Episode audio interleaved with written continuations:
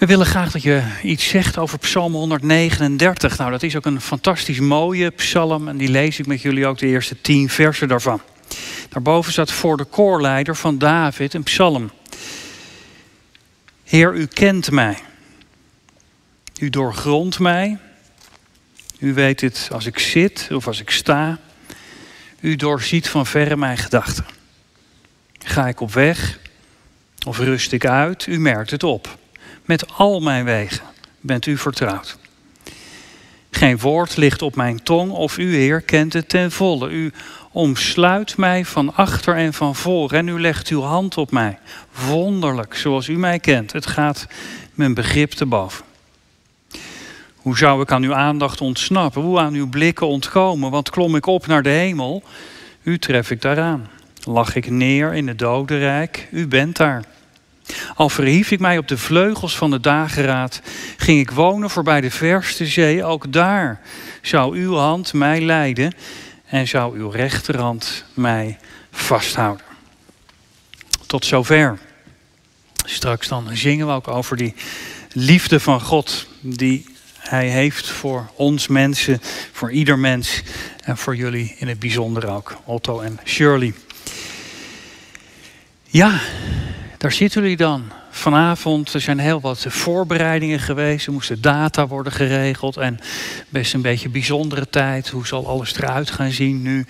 En um, kerk en, en, en het zingen. En hoe gaat dat dan allemaal precies? Maar ineens dan is het ook zover. Getrouwd. Het staat zwart op wit. Nou, jullie kinderen, familie en vrienden die zijn er getuigen van. En het mooie is dat jullie ook naar de kerk wilden. Dat was op zich niet zo vreemd, want zoals jij ook tegen mij zei, Otto, in hoe ik Shirley heb ontmoet, zie ik al echt Gods leiding. Anderhalf jaar na het overlijden van Jenny was voor jou de vraag of het Gods bedoeling was, of je, dat je alleen zou blijven, of dat je misschien samen met iemand anders verder zou gaan. Ja, en dan? Ja, en dan in het Welland College, jullie kerk, kruispunt had Shirley een dankpunt dat ze werk had gevonden. Even feliciteren, dacht jij, Otto, ook al kende je haar helemaal niet. En toen je de zondag daarop in de kerk weer kwam, was jouw vaste plekje bezet. En toen riep iemand dat er naast haar nog wel plek was. Maar ja, hoe, hoe doe je het dan verder? Als Shirley je na de dienst zou aanspreken, zou dat misschien een teken zijn om toch eens verder te kijken? En Shirley sprak jou aan. Shirley sprak jou in alle opzichten aan. Mooi motorweer, hè? En dat was het begin van waar jullie nu terecht zijn gekomen. Bijzonder, twee mensen, aparte wegen die samen op weg gaan. Liefde voor elkaar krijgen. Ik wil mijn leven met Shirley delen, zei jij, omdat ik me op mijn gemak voel bij haar. Het is fijn om bij haar te zijn. Ik ben heel blij dat we samen het geloof delen. Dat er ruimte is om anderen te helpen door bijvoorbeeld ook ons huis open te stellen. Ook vinden we het heerlijk om samen op pad te gaan met de fiets, de motor of wandelen. Shirley, jij zei, Otto is een man die heel goed kan luisteren. En waar ik goed mee kan praten. Iemand bij wie ik me gewoon veilig voel. Hij vraagt zich niet alleen maar af wat hij zelf wil, maar ook wat ik wil. Nou, dat is Prachtig. En daarom zitten jullie hier vanavond. Waarom? Ook nog eens in de kerk. Nou, Shirley, jij zei heel mooi, omdat jullie merken dat God bij je is in vreugde en verdriet. We willen samen met Hem op weg. Nou, jullie hebben allebei het een en ander meegemaakt tijdens de eerste helft van je leven. Maar juist toen hebben jullie ook ervaren dat God bij je was. In de moeilijke, maar ook in de vreugdevolle tijd. Zonder Gods bescherming, zeiden jullie, kunnen we niet leven. En met zijn belofte en zegen willen we aan de tweede helft beginnen. Zo zei u dat. En daarom sprak die Psalm 139 jullie ook aan. Heer, u bent bij mij, naast mij, voor mij, achter mij. En u legt uw hand op mij. Zo heb je dat net gehoord. Eén weet dus alles van mijn leven. Nou, misschien zeg je wel dat is even schrikken, want dat is helemaal niet zo plezierig als iemand alles van je leven weet. Hè? We zijn al gesteld op onze privacy. We houden niet zo van als anderen te veel ons leven binnenstappen. Uh, toen ik op de middelbare school zat, moest ik een boek van George Orwell lezen, 1984. Hij zegt daarin dat, dat, dat, straks wordt heel deze wereld een, een, een politiestaat. Overal hangen microfoons en camera's. En die zullen opnemen allemaal wat je doet en zegt. En nou lees je hier, Heer, u bent bij mij, naast mij, voor mij en achter mij. Uw hand rust op mij. Is dat niet om uh, dat, dat God zo ons leven kent? Nou, toch zeg ik vanavond gelukkig kent één iemand heel ons leven en weet alles van ons. Waarom? Omdat God ons wel ziet. Uh, alles van ons ziet, zeker. Maar dat dat voor die schrijver van Psalm 139 niet het enige is. Want Gods oordeel en kijken naar ons is een oordeel van genade en van liefde. En daarom kun je alleen maar blij zijn dat er één is die alles van je leven weet. Tot je diepste ik toe. Klokhuis van je leven dichter van Psalm 139, die heeft God in de ogen gekeken, God in het hart gekeken. Toen heeft hij gezegd, Heer, u kent mij. Hij is niet weggevlucht, hij is zich niet verborgen. Hij heeft God in de ogen gekeken en toen wist hij dat God altijd bij hem zou zijn, dag en nacht. Dat God voor en achter hem is, dat betekent voor hem bescherming. En dat betekent voor hem veiligheid.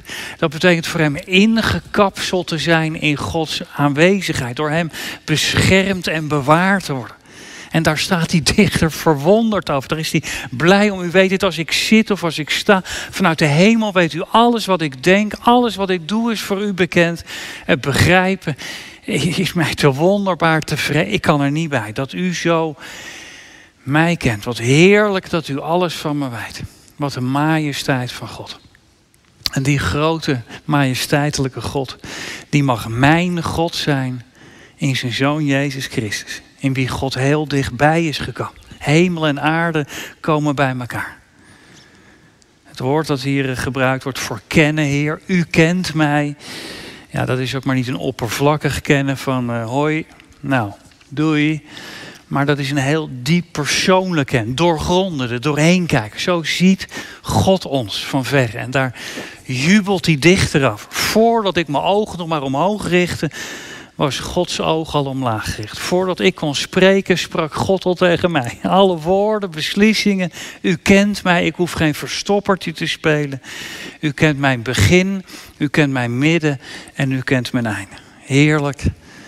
Heerlijk als je zo weg mag gaan. Heerlijk als je zo je huwelijk kunt beginnen. Heer, u bent altijd bij mij. Hoe zal het lopen? Wat gaat er komen? Ik weet het niet. Eén ding weet ik wel. Heer, u bent altijd bij me. Er zal er nooit een dag komen zonder Hem. En u legt uw hand op mij. Nou, vanavond mag ik je een God verkondigen die niet zijn hand op onze schouder legt als een rechercheur die ons in wil rekenen. God legt zijn hand op onze schouder als bemoediging, als troost, als, als, als steun voor onderweg. Zijn hand zegt, ik hou van jou met een eeuwige durende liefde. Ik kan je niet missen, je bent mijn schepsel, mijn kind. Ik heb alles voor jou.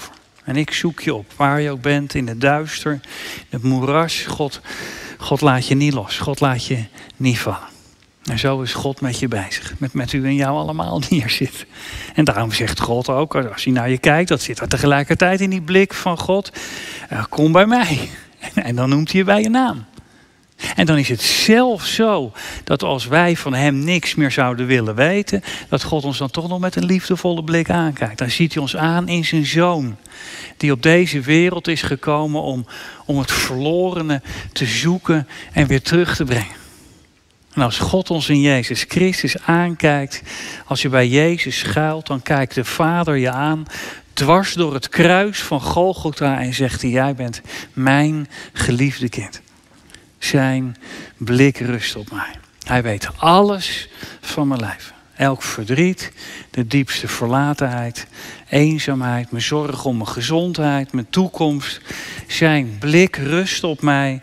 Gelukkig Eén weet alles van mijn leven. Dat is groot. God is alwetend, maar vooral alwetende liefde. Hij is almachtig, maar ook almachtige liefde. Dat is het wonder van God. En de vraag vanavond is: durf je hem te ontmoeten? Durf je te bidden en open te staan voor God? Augustinus die heeft eens gezegd, als je wegloopt bij God vandaan, dan verberg je God wel voor jou, maar je verbergt jezelf niet voor God. En daarom moet je niet vluchten. Vluchten kan niet meer, hoeft niet meer. Want milde handen en vriendelijke ogen zijn bij God van eeuwigheid. Heer, u bent bij, bij mij, naast mij en voor mij en achter mij. Hij omgeeft mij. Ik ben met heel mijn leven geborgen in God.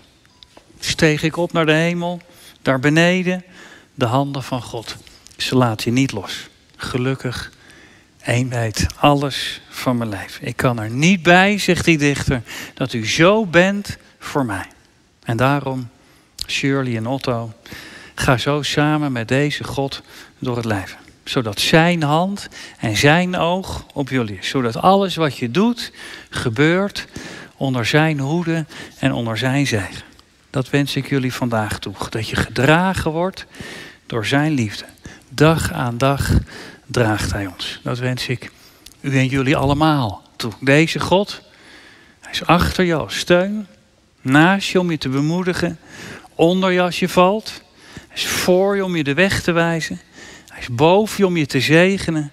Aan deze God vertrouw ik u en jullie in het bijzonder van harte toe.